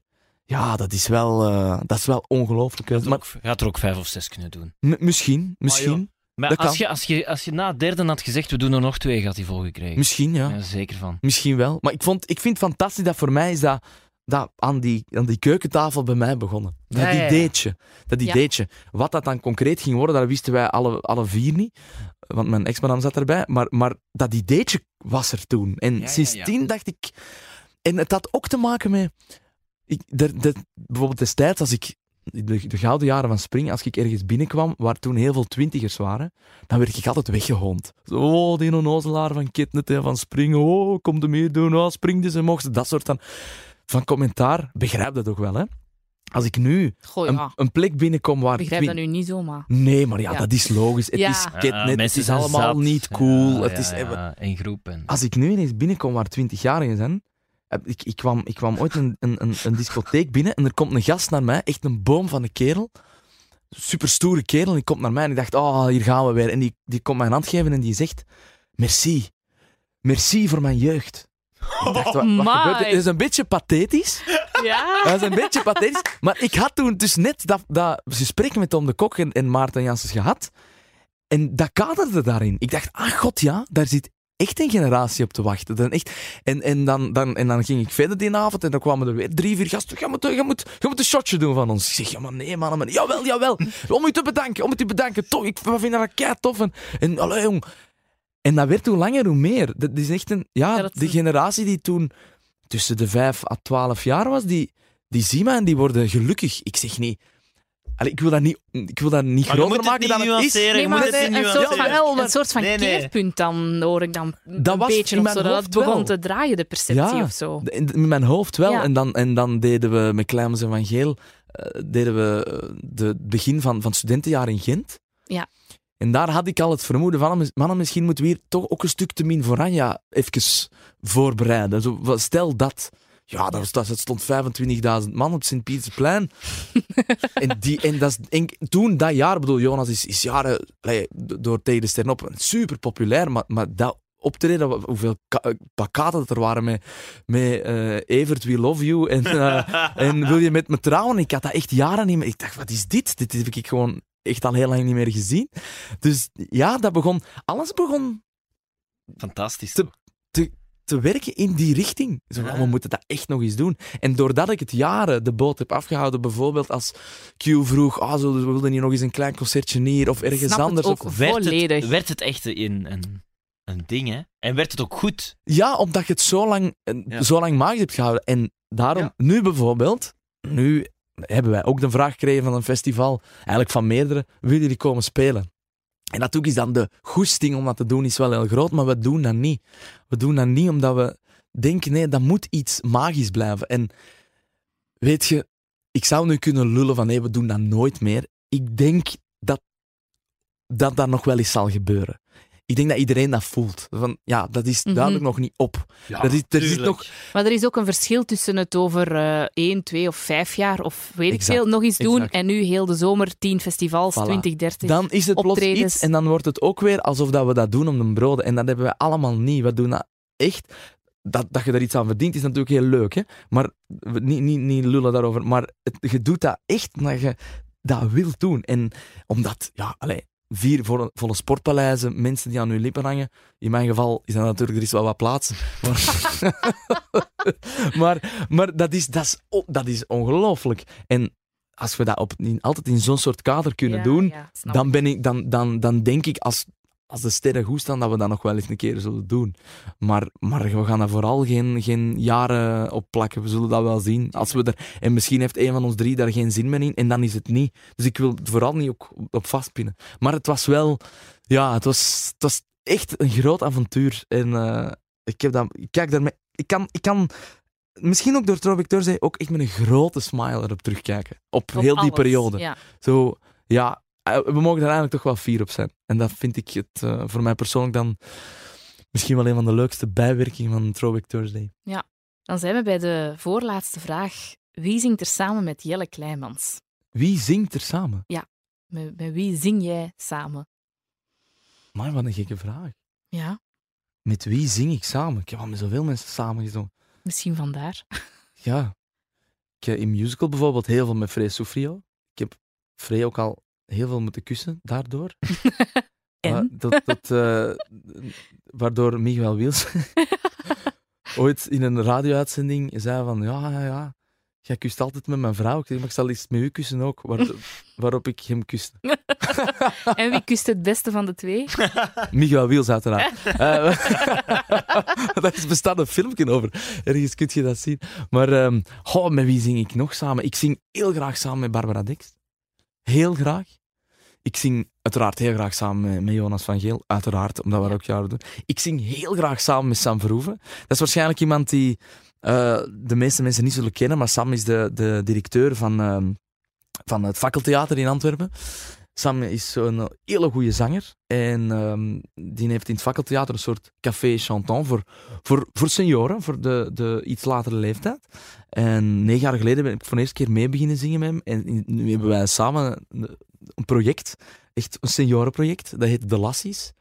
En eh, om de zoveel tijd gaan we een middag zo in, een- in een cultureel tof. centrum voor, voor eh, bejaarden spelen. En dat is kei tof, maar dat is puur zangmatig is dat echt zalig om, om dat met hem te Ja. doen. Ja, ja. Dat is iemand waar ik echt graag mee zing. Ehm, ik, eh, ik zing ook heel graag samen met mijn moeder. Ehm, we hebben zo'n paar boeken gemaakt voor kinderen. En daar zingen we... dat- Ja, maar ik zing eigenlijk gewoon überhaupt graag. Dus als er dan iemand komt meezingen, is dat alleen maar, kan dat alleen maar gezellig zijn. Ja, ja. Ja. Denk ik dan. ja, ja. Ehm, ja, ik heb ooit, eh, dat was ook wel super, tijdens Nekanacht in het Sportpaleis samen met Johan Vermine gezongen. En dat is ook zo, als ik mag zingen met een, een kleinkunstcorrivee, Della Bossiers onlangs, zalig, eh, Johan Vermine. ehm, Dat lijken mij zo bijna bucketlist dingen dan. ja, voor ik heb, jou of ik voor heb een groot die- hart voor ja. kleinkunstmuziek. En als dan zo die pioniers, als, als je dan mee mocht samenzingen, dan voelt dat wel. Ja, dat is een hele moeilijke vraag. Ik zing gewoon echt graag. En heel graag ook met mensen Mhm. samen, ja. Tof. zelf liedjes schrijven gebeurt dat tussen de soep en de patatten. Van nu heb ik een idee en ik heb even een weekend vrij. Of, of plan je dat in en, en Ik heb wel een deadline nodig. Ja. Ik, ik ga zelden een, een liedje schrijven omdat het opborrelt. Ja. Gebeurt niet vaak. Eh, voor mijn laatste plaat ben ik een, een maand naar eh, Zwitserland getrokken. Dan heb ik dan een maand echt geschreven. Ondertussen wat geskiet. Dat was zalig. zalig. En dan echt Tof. geconcentreerd Tof. op, dat, op, op het schrijven en een beetje boeken lezen en, en wat skiën en wat, en wat wandelingen doen. En, en dat heeft ook geresulteerd. Dus ik wil dat heel, heel, heel graag ook voor mijn, voor mijn vierde plaat terug doen. Dat zal wel. Oh, Even afzondering. Ja. En, eh, en schrijven. Ehm, ik heb ook al met, met mensen samen proberen te schrijven, maar dat is heel moeilijk voor mij. Dat, dat, dat kan ik niet zo goed. Heel gek. Ik ben iemand die zijn eigen, eigen parcours moet volgen. Dus samen zingen, ja, maar samen schrijven is moeilijk. Nee, oké. Ja. Oké. Ja, dan zijn we bij de laatste. De, De tiende, vraag. Tiende vraag. De tiende vraag. Aan jou de eer, Maarten. De stoute vraag. Nu, nu komt de Nee, stoute of vraag. Stout, goh ja. Ik weet het niet, Ja, misschien. zo kun je het percipiëren misschien. Dat hangt van u af. Eh, op wie is Jelle Kleimans verliefd? Ha. Wordt gegoogeld. Ja, dat, dat snap ik. Ja, Goeie vraag. het is inderdaad iets wat bij iedereen... Maar, eh, Nee, ik, ik, heb, eh, ik ben altijd heel sober geweest over... Enfin, sober, is dat het woord? Ehm, Terughoudend? Vaag, vaag, ja, terughoudend geweest over mijn liefdesleven, omdat ik vind dat, dat zelfs mensen die op televisie of op de radio komen ook recht hebben op een beetje privacy. Ehm, omdat dat belangrijk is. Eh, maar ik heb eh, tien jaar en een half, dat, kun je ook googlen, dat zie je ook, tien jaar en een half een, een, een, eh, relatie gehad met, eh, met, met mijn ex-madame. En dat was, eh, ja, dat, dat was fantastisch. Dat was ook moeilijk, zoals elke lange relatie, maar dat was fantastisch. Eh, en daar is dan wegens een paar redenen een, een, een einde aan gekomen, anderhalf jaar geleden. Ehm, maar dat, ja, wij zijn echt, wij zijn wel heel erg close en, en beste vrienden. En als wij elkaar drie, vier dagen niet horen, dan, dan is dat echt veel. En, en, ehm, dus dat dit zijn bepaalde redenen die, die wij weten waarom dat wij als koppel dat dat niet meer ging. Maar ehm, als, als mensen en als vrienden en zijn wij super dicht bij elkaar. En, Ja. en denk ook dat we erin geslaagd zijn, daar ben ik heel fier op, om, om, ja, om ervoor te zorgen dat wij altijd in elkaars leven zullen blijven. Ik ben daar echt van overtuigd. Ben- En zij ook. Dus Het is wel zeldzaam, hè, man. dat is zeldzaam, maar Ja. dat heeft ook te maken met, met de wil om, om dat te doen. En wij zijn ook... eh, bijvoorbeeld, wij zijn niet uit elkaar gaan omwille van andere partijen. Wat altijd, dan is het altijd heel erg... Allee, dan is het nog veel triestiger of nog veel pijnlijker. Of het is Mm. echt wij twee die, die daar heel lang over hadden nagedacht en over veel over hebben gebabbeld. En Ook dat is zeldzaam, want dat is meestal wel de reden, denk dat, ik. is, ja. dat is zeldzaam. Ehm, Maar ik ben ook geen expert op dat vlak. Nee, maar nee, ik maar- dat ik snap ook mensen die... Ik geef dat ook toe. We hebben geprobeerd van elkaar niet, niet volledig los te laten. En dat is ook moeilijk. Dat, Mm. dat is ook soms pijnlijk en dat, en dat is met vallen en opstaan. Maar wij zijn er wel allebei heel trots op dat dat gelukt is. Ja. Ehm, en verder, eh, sindsdien... ehm, goh, ja, vrijgezel, hè. Wat moet ik zeggen? Op Tinder, hè. Ja, nou, heel, heel even heb ik op Ah, ja. Tinder gezeten. Ja, heel Ik heb nog nooit Tinder. op Tinder gezeten. Is dat Ik tof? wou dat nu echt eens doen. Is dat tof? Maar is dat ook niet Dat is- moeilijk? dat is tof als, voor- als, dat voor mensen, twee dagen tof. Als mensen Ah, ja. kennen, is dat dan niet moeilijker zo op... Ja, ik weet het niet. Ja, Eh, ja dat, maar ik, ik ga er altijd vanuit. Het is, ik wil dat dan eens gezien hebben. En ik, ja, ben nu dat snap alleen. ben nu alleen en dan denk ik, niks houdt me nu nog tegen om het is niet te doen. Tuurlijk. Ja. En dat ik doe het dan ook. en voilà, ik heb het gezien en het was plezant. En, en ik heb eens een keer een date gehad. En eh, voilà, bro, voilà, dat, was, Ja. dat, is goed, dat is goed dan. Dat is goed dan geweest. Maar, ehm, maar, maar verder, ja. ehm, je moet u zelf, na een lange relatie, tien jaar en een half, moet u zelf eerst, eerst terugvinden. En dat is wel een opdracht gebleken. Dat is nog altijd een opdracht. Hm. Maar ehm ja, de liefde, ja, ja. Mhm. Wat moet ik daar nu op zeggen? Is- bent op dit die- moment is Jelle Kleimers niet verliefd. Dus dat Ja. is, ik denk dat ze daarom ook, ehm, ook... Ze zullen niet veel vinden op, op Google. En ik, ik probeer dat ook echt heel vaag te houden, omdat... Ja, iedereen kent dat, hè? dat. Stel dat je zoiets iets met iemand probeert, dat, en dat is dan na twee weken blijkt dat het is niks. Je wilt het niet meemaken dat dat dus in de boekjes komt. Nee, En dat je dan na twee ding? weken, het is alweer, dat ik wel denk, mannen, maar dat is zo, Ja. dat is verschrikkelijk. En dat vind, ik heb daar zelf een bloedtekel aan. Al, om te beginnen voor mezelf, maar al helemaal voor, voor, voor aan andere Ja. partijen of voor, of voor vrienden of familie. Dat is zo pijnlijk. Ik heb daar eigenlijk niks mee. Ja. En, en, en, voor, en vooral mijn, mijn, mijn ex-man, die, die, die vroeg dat ook. zei van, ik wil eigenlijk...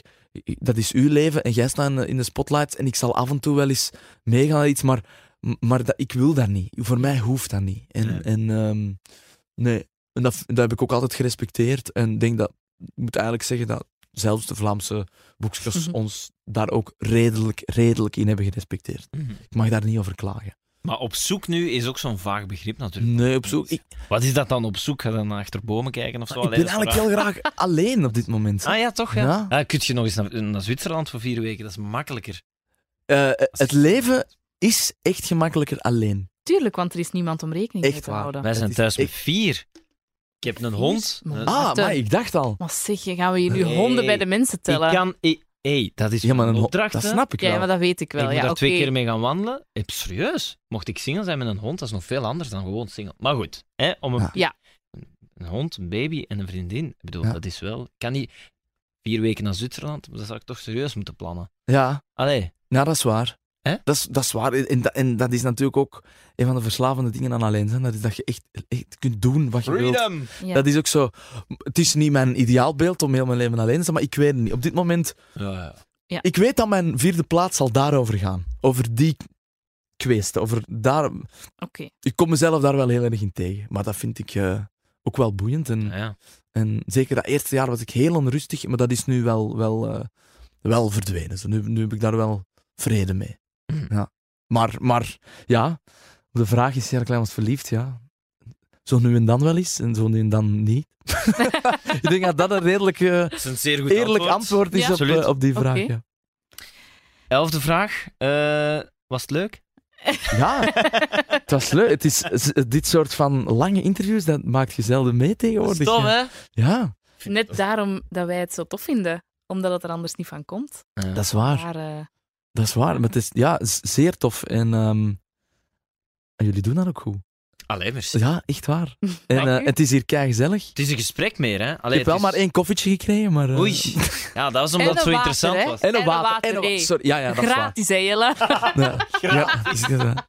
nee, het was, het was eh, heel, heel aangenaam. Ik hoop, eh, ja, ik, ik hoop dat het interessant was. Dat, dat, dat, dat vraag ik me dan af, want als zo'n zo lang interview denk je, ja, zet je zo'n lang interview waard? Dat weet ik niet, maar ik vond het zelf wel gezellig. Ik vond het heel interessant. Ja. Heel tof. En we knippen de helft er nog uit, hè? Ah, Allee, ja. Nee, Voilà. dat is niet waar. Dat we enkel waar. de vragen over aan. Ja. Beetje kort en bondig. Nee, ik vond het super tof. Merci. Dankjewel om naar hier te komen. Graag gedaan, keer. echt waar, graag gedaan.